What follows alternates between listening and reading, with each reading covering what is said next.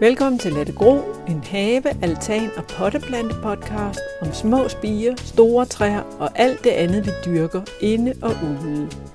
Jeg hedder Helle Sindal, jeg har selv have, og jeg synes, det er sjovt at eksperimentere og lære noget nyt. Jeg er selvforsynende med mynte, men familien og jeg ville helt sikkert dø af sult, hvis vi skulle leve af grøntsager fra vores egen have året rundt. Høsten her rækker typisk kun til 5-10 måltider med kartofler, squash og salat af egen avl. Helt, helt anderledes går det for sig i køkkenhaven hos Peter Norris. Han og familien har været selvforsynende med grønt siden midten af 80'erne. De sparer årligt 40-45.000 kroner på at dyrke selv, frem for at købe ind i supermarkedet. Peter Norris eksperimenterer med at forlænge sæsonen for sine grøntsager, og han kan derfor sætte tænderne i hjemmedyrket friske salater, kål og kartofler længe før os andre. Jeg synes ikke, der er noget, der slår den, det første nye kartoffel, eller den første tomat, eller det første... Altså, altså her for en uge siden, der spiste vi det første sådan rigtig salat. Og det var helt vidunderligt. Det, det, det med sådan for tøj i øjnene. Jeg har besøgt en produktiv selvforsyner, som blandt andet fortæller om, hvordan man med lidt planlægning kan få rigtig mange afgrøder ud af et beskedent areal.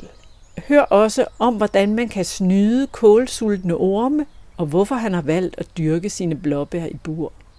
Vi står ude i en almindelig parcelhushave ved kanten af Ølstykke. Og når jeg siger ved kanten af Ølstykke, det betyder, at haven øh, ender i Værbro Å. Og det er sådan en rimelig stor have på 1600 kvadratmeter, og den er nemlig så stor, fordi man må ikke plante, man må ikke bebygge inden for 25 meter fra åen, så den er sådan en, en rimelig lang have. Og, og vi har haft stedet her siden 83, tror jeg det var. Øh, jeg har ikke tidligere haft køkkenhave, men da vi fik det her, øh, så var det bare med at gå i gang, for der var rigtig plads til det.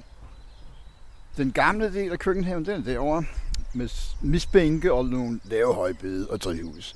Og her på den anden side, der har jeg renoveret det fuldstændig, for det var det ældste højbede, som jeg tror, det havde været sådan 10-15 år gammel med lærketræ. Det var været rådne op. Så det skulle udskiftes sådan alle omstændigheder med øh, nogle nye højbede, som er højere, og større afstand imellem, som man nemt komme til, og så med den her overbygning, der gør, at man nemt kan skifte mellem plastoverdækning, eller insektnet, eller øh, fuglenet, som sidder fast med velcro, i stedet for, som du ser på den anden side, hvor jeg bruger sådan nogle bøjede rør og tilfældige stykker plastik, der skal holdes ned med gamle øh, havefliser, som alligevel går og falder over.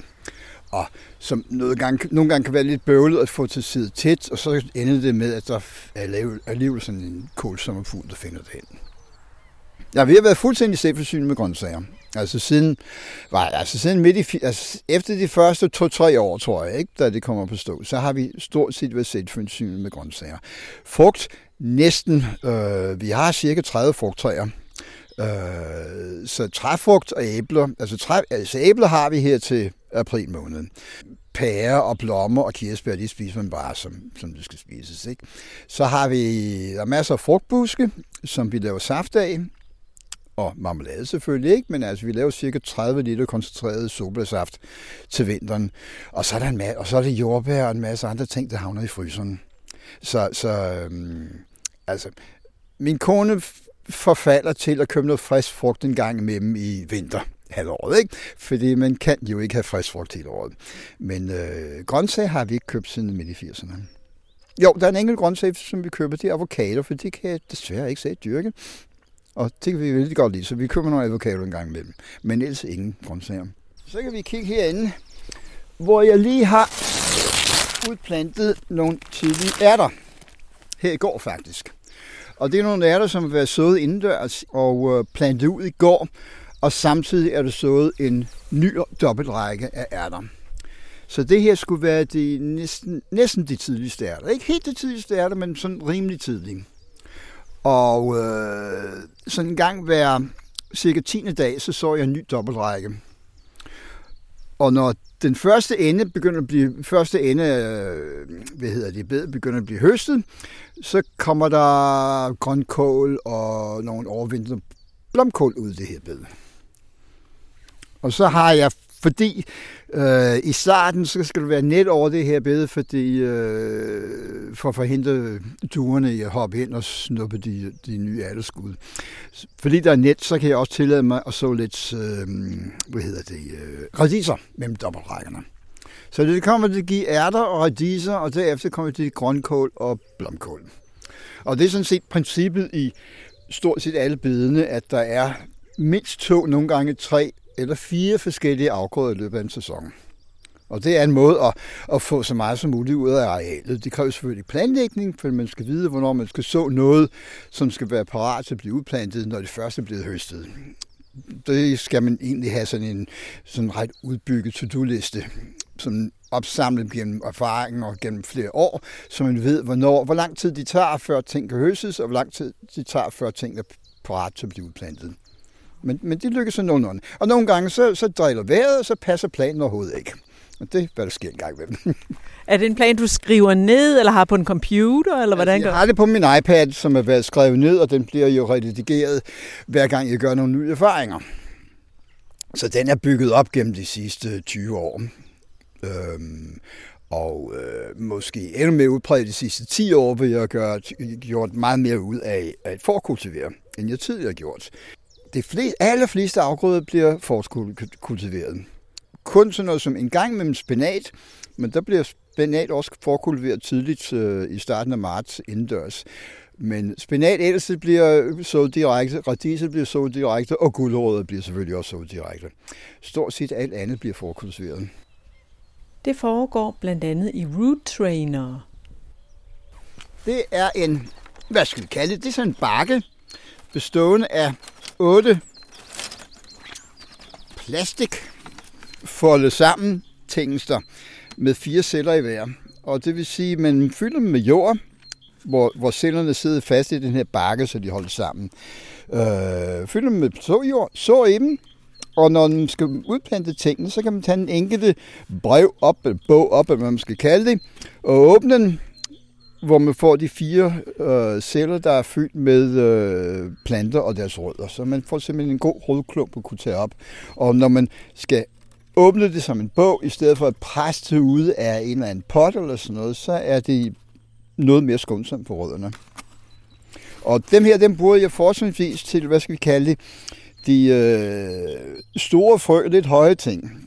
Øh, det vil sige bønner, slangbønder for eksempel, også almindelige øh, krybbønner, og øh, ærter og majs. De andre ting, som vi forspirer, det er som regel enten i bakker, som for eksempel store bakker, som for eksempel porre, hvor man godt kan så en bakke, så skidte det med, når man skal plante ud. Ikke? Men øh, for det meste også i plugbox. Plugbox, det er sådan en lille forspirings fidus, eller hvad pokker man skal kalde det. Altså det er sådan en plastbeholder øh, med 49 små celler, små rum, øh, som hviler i en beholder, en underdel, som man kan fylde med vand, som man kan faktisk kan undervande. Når man skal plante ud, så kan man skubbe de enkelte plante ud af hver sin celle, og det vil sige, så forstyrrer man heller ikke rødderne ret meget. Jeg bruger meget til, for eksempel til forspiret øh, spinat, som det står her, men jeg bruger også til rødbeder, hvor jeg, og rødbeder, og for eksempel også løg, hvor jeg øh, ikke nøjes med så bare en frø per celle, men så øh, to, tre, fire frø per celle. Som når de skal udplantes, så skiller jeg ikke planterne ad, så bliver de bare udplantet som en celle for sig. Så udplanter jeg fire rødbeder for eksempel af gangen øh, i samme hul, men større afstand mellem de enkelte celler. Og når rødbederne de vokser til, så skubber de bare til hinanden. Og det betyder, at øh, man skal ikke udtynde. Det er ikke nødvendigt.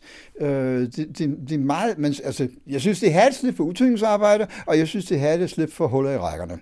Og her får man dækket det hele, øh, men øh, bare på en anden måde, end hvis man bare, end hvis man bare såede enkelte planter. Det gør jeg også med løg. Altså et, i stedet for en hvis man sætter sætteløg for eksempel, så sætter man den som regel med 5 cm mellem. Når jeg så i plugbox, så så jeg måske 3-4 frø per celle, udplantet hver celle for sig, men så har 20 cm mellem cellerne. Og der danner løgene så en klump, vi får stort set lige så store løg, som man normalt får, men, men bare på en anden måde.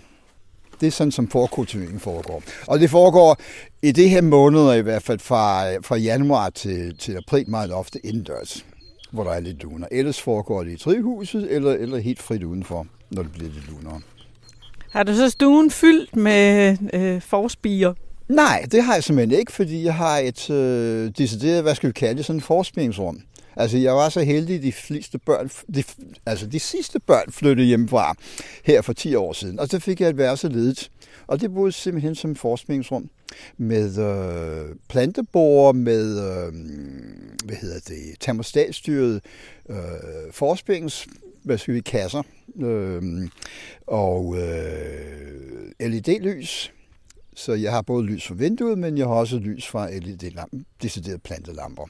Og der er stort set plads til, hvad jeg skal have til forspiring. Nogle gange bliver det lidt trangt, så er der nogle ting, der kommer ud i vindueskarmen i stuen, og så er der andre ting, der bliver flyttet hernede i drivhuset. Drivhuset herinde er fyldt hele året. Der er ikke et tidspunkt, hvor det står tomt. Lige nu er der cirka 50 udplantede salater, som har stået her siden, øh, siden gang i det senere efterår og begynder at danne salathoveder nu. Det er nogle sorte, der danner nogle, nogle sådan små hjertesalattyper, øh, men sådan sprøde, lækre salater, som øh, skal være bare, de skal bare være væk inden øh, 1. maj, når tomaterne skal ud. Så de får en måned til at vise, hvad de dur til hernede, ikke? herinde i drivhuset. Det hele drivhus dyrkningsareal, det er dækket af grønt lige nu. Der er også Mizuna, som øh, er det aller tidligste, og den er, det er sådan en, en asiatisk grøntsag, som danner nogle blade, altså meget stor bladmasse, som ligner, godt ligner rucola lidt en gang med ikke? Øhm, den har sådan en lille smule skarp smag, men er pragtfuld brug som salat. Den er meget tidlig, og den kan absolut ikke lide varme, så der er to af planterne, der begynder at gå i blomst nu, så det er dem, jeg høster først med at tage bladene. Giver du en smagsprøve af den? Ja, ja. Der er lidt bid i den. Mm. Ja. Ja. Så, så den tidligste salat, altså vi starter med at spise sådan rigtig klassisk salat med nogle eddikeddressinger, hvad vi skal putte på. Ikke? Den mm. tidligste salat, det består af det her med suneblade, af almindelig salatblade, af frisk sprødet spinat og vores salat. Det lyder som om, at øh, du er i gang hele året med, med haven her. Ja, det er sådan set. Altså, altså der, er nogle, der er nogle enkelte, hvad skal vi kalde det, stille måneder, som er øh, december og januar. Det bruges til for eksempel at beskære frugttræer og hvad det ellers er, den slags arbejde. Ikke? Men de sidste ting bliver sået i november, og det første ting bliver sået i slutningen af januar. Der sår jeg det første peberplanter. Og så, og så kører det. Hvor meget tid bruger du sådan der, i løbet af dagen, vil du tro? Altså, jeg har jo haft den her køkkenhave under passen, samtidig med, at jeg havde fuldtidsarbejde og en, en helt del børn. Så det har jeg godt kunne lade sig gøre. Efter børnene flyttede hjemmefra, og, at, øh, og jeg stoppede med at arbejde, så tror jeg, jeg nørder noget mere. Ikke? Og skal vi sige, den tid, jeg bor herude, det er, ikke, det er ikke samme tempo, som jeg gjorde, da jeg kun havde måske tre timer til rådighed en, en torsdag aften, eller en halv weekend eller sådan noget. Ikke? Der gik det virkelig stærkt, og meget nøje planlægning, hvad jeg skulle nå den weekend. Altså nu går jeg og har en kop kaffe eller te med ud i haven og laver de ting, der skal laves, og, og indimellem tager lidt pause. Det er i hvert fald ikke samme tempo, men jeg vil gætte på i løbet af måneder her fra april til september, oktober, der bruger jeg måske en tre timer om dagen. Øh, her i den her periode, så er det meget med klarlægning og øh, klargøring og såning og plantning og så videre. I august-september, så er det meget høst. Jeg bruger utrolig meget tid på høste, fordi når vi, når vi kommer hen til august-september, så er der ting, der skal høstes hver eneste dag. Bønner, der skal høstes hver dag ærter skal høstes hver dag, tomater skal høstes hver dag, og så videre, så videre. Ikke? Altså, der, kan jeg, der kunne jeg ikke tage væk i tre dage, for så er nogle ting, der måske vil blive for gammel. Altså, så noget som, jeg har prøvet at springe over to dage med at høste bønder, og det var ikke godt, for det går stærkt. Er, er du professionel øh, landmand, havde han her sagt, eller hvad? Nej, snart det modsat. Jeg er psykolog, så, så jeg vil sige, jeg har ikke så rigtig noget erhvervserfaring med det, ikke? Men, men det har bare været en interesse gennem mange år. Og øh, altså længe før jeg fik øh, mulighed for at have køkkenhave, så har jeg interesseret mig meget for selvforsyning på forskellige leder. Altså vi har også øh, høns, og vi har også øh, i mange år haft bier, og samler selv brænder, hvis man kan komme til det, og så laver selv brød og alt det der. Ikke? Og jeg synes selvforsyning er sjovt, det giver en vis tilfredsstillelse, og så giver det meget ofte en bedre kvalitet end det, man kan købe.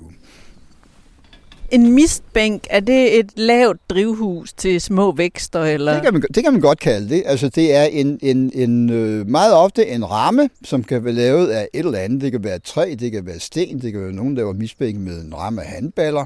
Og så et eller andet øh, lysgennemtrængende materiale henover. Det, kan, altså det klassiske, det er, at man bare bruger gamle vinduer.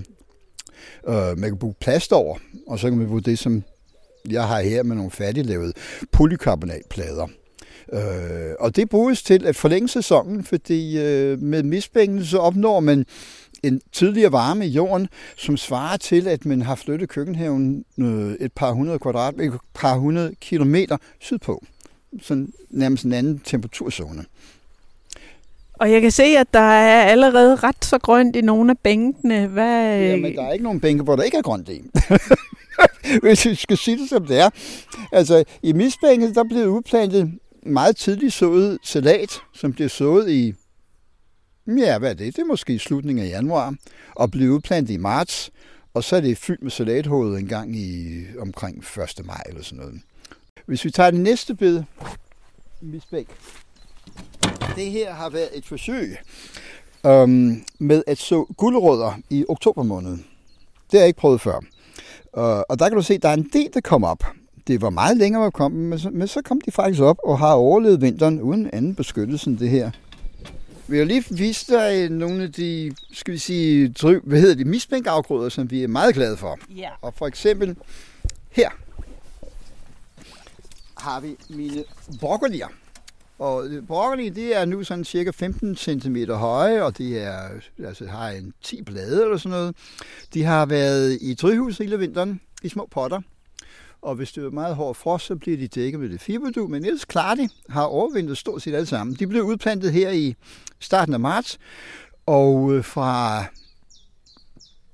meget ofte sådan, jeg høstede det første sådan helt traditionelt stor broccoli 1. juni.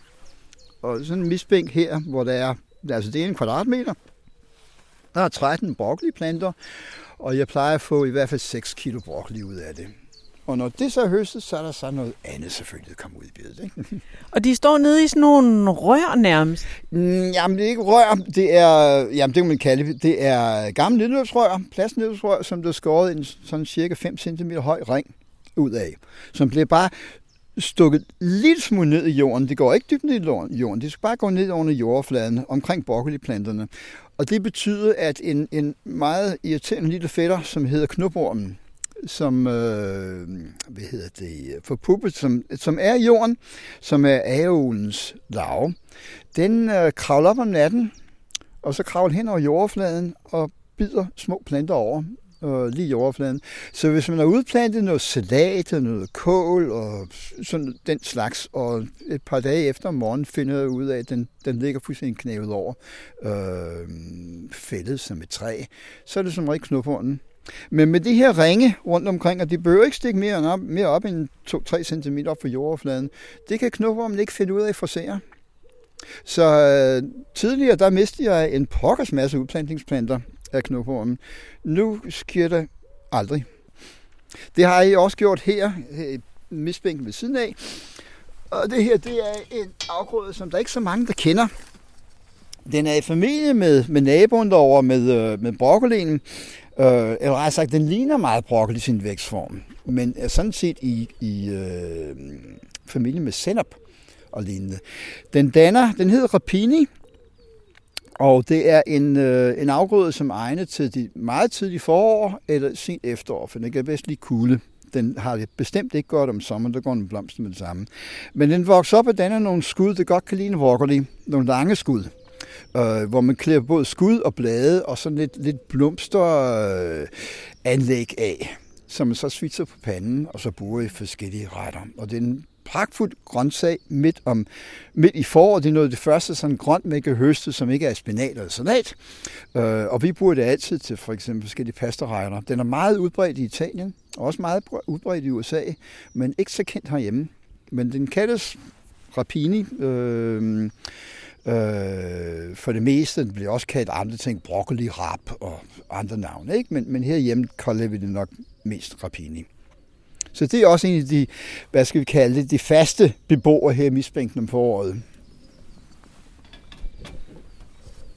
Ved siden af, der har vi masser af spinat. Åh, oh, de er store, var? Ja, du kan tro, de er store. Altså, de, bladene de er større end dine hænder, og også større end mine hænder. Altså. Og det har været udplantet i, hvad har der været? Det har været så i september, så har det været udplantet en gang i sidste oktober, efter at der er blevet øh, bedet blevet tømt for øh, tomatplanter, tror jeg det var. Og det har også stået hele vinteren, og øh, så er der begyndt at komme lidt mere varme i jorden her i slutningen af februar, og så gik det ellers i gang med væksten. og øh, Altså, når vi når slutningen af april, og man, altså, jeg begynder at høste nu, men, men når vi når slutningen af april, jamen, så vokser, altså, bladene så store, de vokser simpelthen bare ud af, altså, de dækker totalt misbænken. Så der kommer afsindig meget god spinat ud af det. Og spinat er noget af det, som er allernemmest at overvintre. Det klarer de rigtig godt. Og giver en meget tidlig og meget øh, meget lækker og sprød øh, spinat. Noget andet end måske. Du kan lige prøve. Jeg vil lige give dig en lille bid. Vi tager lige den her. Brækker bladet af, så kan du se, hvordan det er. Mm. Den er rigtig lækker. Jamen, det er nemlig mm. rigtig lækker, ikke? Mm. Ja. Frisk. Og... Jamen, det er nemlig det. Mm. Så, så det, er noget, det, det er noget af det tidligste friske, vi får. Det er en af de gode ting ved, at vi er selvforsynende, at vi ikke køber noget. Det vil sige, at der er nogle perioder, hvor der er nogle bestemte afgrøder, som bare ikke har. Men så kan man også gå og glæde sig til, at man har det. Det med at mangle og længes efter at smage noget frisk, det er ikke så dumt. Altså, det er faktisk en god oplevelse, frem for det bare en selvfølge, man altid kan få det. Det bed med spinaten, Altså det er, sådan, det er sådan et typisk eksempel på en kombination, hvor man får flere grøntsager eller flere afgrøder i løbet af året på et bed. Fordi i hovedrækkerne, der, der, kan være, der er fem rækker. Der er tre hovedrækker og to mellemrækker. I hovedrækken der er nu udplantet spinat. Om nogle uger, så bliver det udplantet i mellemrækkerne, der kommer det rødbeder, som jeg har sået. De står indendørs og er kommet op. De kommer ud en gang i midten af april. Når spinaten er færdig, så vil der være en tidlig majs, som bliver, som bliver udplantet i spinalrækkerne. Og det vil sige, så er på det tidspunkt, hvor majsen er kommet ud en gang i starten af maj for eksempel, der er rødbedene vokset til, de har en vis bladmasse, som de kan få, øh, som de kan få solskin og energi og noget at vokse af.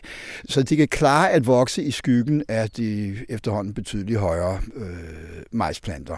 Og det vil sige, Øh, der kommer i hvert fald tre afgrøder.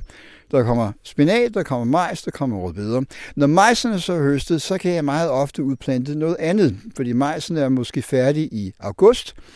Og så kan der komme spinat ud igen, eller der kan komme salat ud igen, det var majsen er stået. Rødbederne, de står bare og vokser videre, indtil jeg har lyst til at høste dem. Så det er, det er et enkelt eksempel på, hvordan der kan komme mange forskellige ting ud af et areal på, hvad er det, halvanden kvadratmeter. Altså det er ikke mere. Det er halvanden kvadratmeter, som kan give måske 5-6 kilo rødbeder og 16 store majskolber og en masse spinat og en helt del salathoveder. Hvor meget alt i alt, altså høster I? Nu ved jeg godt, der er nok forskel fra år til år, mm. men...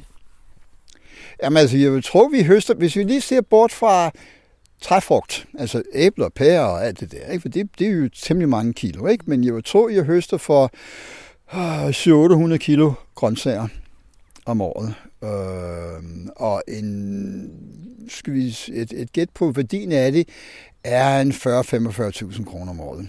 Hvis man sætter det i forhold til, hvad man skal for det meste købe konventionelt dyrkede grøntsager til i et supermarked. Fordi, øh, altså alt det, jeg dyrker, det er økologisk, men mange af de ting, jeg dyrker økologisk, øh, kan man enten ikke få i supermarkedet, eller også er det kun i korte perioder, man kan få det. Um, så, så når jeg skal sige så nogenlunde, hvad jeg dyrker for, så er det i forhold til de konventionelle priser.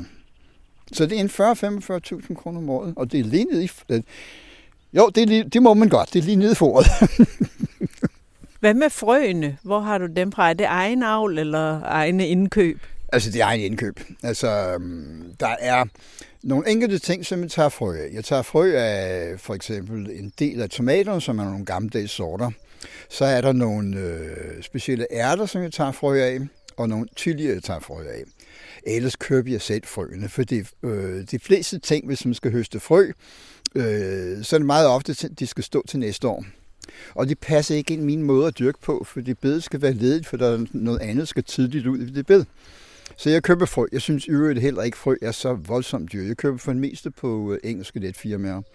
Også tyske og, øh, nogle svenske. Det magiske øjeblik, det handler, om, det handler nok om det med at spise det, man har dyrket. Altså, det er... Øh, altså, jeg synes ikke, der er noget, der slår den, det første nye kartoffel, eller den første tomat, eller det første... Altså, altså her for en uge siden, der spiste vi det første sådan rigtig salat.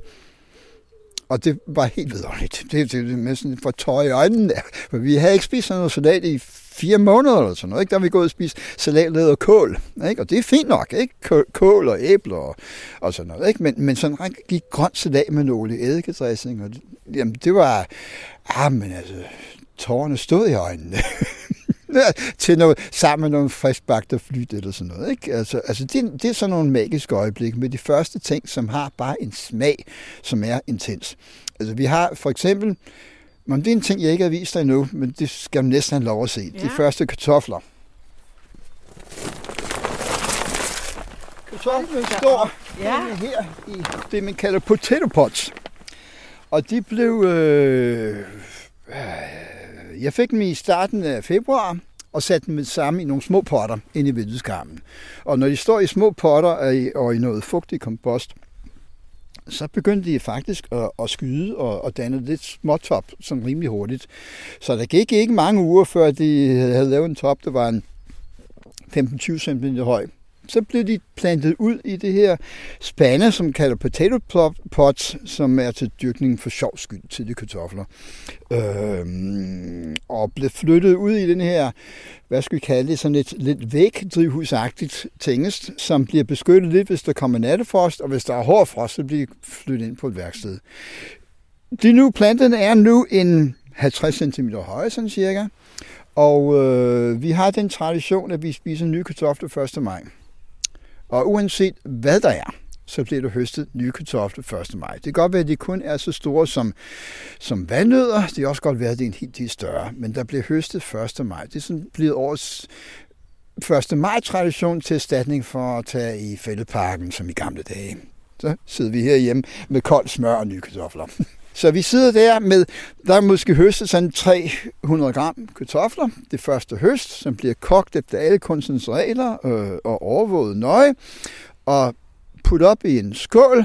Og så sidder min kone og jeg og siger, en til dig og en til mig. Og vi skiftes til vælge. og der skal, det skal vi ikke være lige. Og så bliver det bare nyt med meget stor andagt. Er din kone også aktiv i haven, eller er det dig, der regerer? Jamen, hun, hun er aktiv, hvad angår blomster. Stavlehave, terrasse, indgang. Men køkkenhaven, det er mig. Blomster. Jeg ved ikke en bøne om blomster, så det ved hun. Til gengæld så får hun ikke lov til at røre et bed i min køkkenhave, for det så går det kun i min plan. Jeg kan købe samlet set sættet med, med højbedet, som er lavet af lærk, Øh, og så kan man tilkøbe en overbygning med stativ, som man kan spænde enten insektnet eller plast, som man kan se på nogle af bedene, eller for eksempel over jordbærne, der skal have fulde net. Og, og for eksempel med jordbærne, der har jeg tidligere dækket med de almindelige sådan fuld, grønne fuglenet, som har ligget sådan lidt lavt hen over jordbærne, som betyder altid, at der har været en eller anden solsort, der har forvildt sig ind i det. Ikke? Det sker jo ikke med det her, der spændes sådan noget højere over øh, planterne. Og så er det sådan meget nemt at tage af og på, fordi det sidder fast med noget velcro. Øh, og det vil sige, størrelsen passer, det skal ikke forankres med noget som helst andet. Altså det vil, jeg, det vil jeg selvfølgelig også sige til, til dem, der skal begynde på at dyrke køkkenhave. Altså i stedet for at gå og ærge sig over, øh, at ens afgrøde bliver angrebet af forskellige ting og sager, så tag med det samme og dæk dem med bionet eller insektnet. Altså jeg gør det konsekvent over dels alle kål, så de ikke bliver spist af kållaver, eller kålfluen ikke går ind og lægger øh, æg, som man får en larve til at knæve rødden over. Jeg gør det konsekvent over alle gulerødderne, så jeg ikke får larver i gulerødderne. Jeg gør det af alle mine porer, fordi her i området åbenbart, der er poremøl. Så hvis jeg ikke dækker dem øh, mod poremøl, så går der, kommer der også angreb på poremølporerne. Og jeg gør det konsekvent, fordi jeg gider ikke gå og ærge over, der pludselig er angreb af et eller andet. Og altså, har man først serveret broccoli for nogen, hvor der pludselig dumper en død lav ned på tallerkenen, så er det svært at få de sine børn til at spise broccoli igen.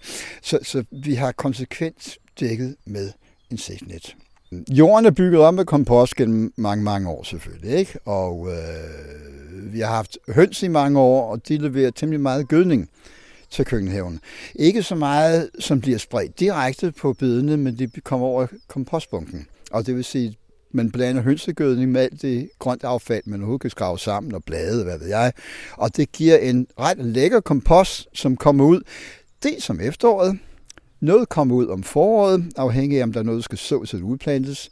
Og så sker det det, at hver gang der er en afgrøde, der bliver høstet, og noget andet skal udplantes, så går jeg ind i hønsegården og tager en spand jord blandet med kompost og hønsemøg, og sprede det ud sådan en cirka 10 liter spand per kvadratmeter. Og det giver gødning nok til, øhm, til det afgrund, der skal bruges. Jeg har læst på et tidspunkt en, en øh, udregning, der sagde, at en høne kan levere gødning til 75 kvadratmeter køkkenhave på et år. Så mine syv høns, de kan sagtens følge med. altså hønsene her er enormt nysgerrige og sociale. Øh, så de er meget optaget hver gang jeg kommer ned, og øh, hop hopper op til mig, hvis de kan komme til det, og forsøger at smutte ud af døren mellem benene på mig. Og, øh, det er enormt søde. Og fredelig, og nem, meget nem at have. Det er, mm, øh, skal vi sige, det er en af de vigtigste ting i køkkenhaven, det, det ville ikke køre rundt, hvis jeg ikke havde høns til, til det ved gødning. Øh, alt haveaffald bliver smidt ind i hønsegården, som de går og skraver i og hakker i og, og, og besørger på. Og de er også en del af det. Så leverer de æg, utrolig velsmagende æg, og de leverer kompost og gødning. Vi vil lige se, om, om de har lagt æg. De plejer ret tidligt på den. Og de har de. Jo, de har lagt æg. Ja, ja, ja, ja, ja. Ja, farvel igen. Ja, jeg har et, øh, hvad skal vi kalde det, et, et stort indhegnet, overdækket, øh, det kunne godt ligne en hønsegård, hvis det var en høns, hvis det var høns derinde, men det er faktisk min øh, blåbærbur. Nå, et blåbærbur. Så jeg har puttet alle mine blåbær under et øh, i en overdækket øh, område, som jeg kan gå ind i og plukke mine blåbær. Og det er fordi, jeg har absolut ikke lyst til at dele blåbær med solsortene. Øh, flere sommer oplevede vi, at øh, der kunne være blåbær, hvor jeg tænkte, okay, jeg kan nå at plukke dem nu på lørdag. Lørdag var de væk. Og det gider jeg ikke. Jeg synes, blåbær er en praktisk, pragtfuld frugt. Også en lidt dyr frugt. Øh, så, så det er en af de ting, jeg ikke vil dele med sukkersortene. Du må gerne tage det kirsebær en gang imellem, men så, så er det slut. Altså. Så det, blåbærne, de er bur. Vi har åbent havearrangement øh, to weekender løbet af sommeren. Der er dels øh, Haveselskabets Havefestivalen, og så er der Landsforening Praktisk Økologis Åben Havelov. Og der er en weekend til hver. Og ellers øh, har jeg åben have efter aftale. Øh, altså man kan altid ringe og spørge, man har der er mulighed for at komme på besøg. Altså, der er meget ofte grupper, der ringer have kredse forskellige steder fra, der gerne vil komme. Og de er meget velkommen. Også enkeltpersoner er meget velkommen. På havenyt.dk kan du finde en såkalender for selvforsynere, som Peter Norris står bag. Han og mange andre giver gode råd om grøntsagsdyrkning og selvforsyning i nogle af de Facebook-grupper, hvor havefolk udveksler erfaringer. En af dem hedder Økologisk køkkenhave, dyrkningsmetoder, og en anden Havebrug og selvforsyning. Tak fordi du lyttede til Latte Gro, Podcasten om alt det, vi dyrker i vindueskarmen, på altanen, i små og store haver og til små og store maver. Programmet her er det fjerde i rækken af haveudsendelser, som du kan finde på SoundCloud. Her kan du vælge at følge Latte Gro, så får du automatisk besked, når næste udsendelse er klar.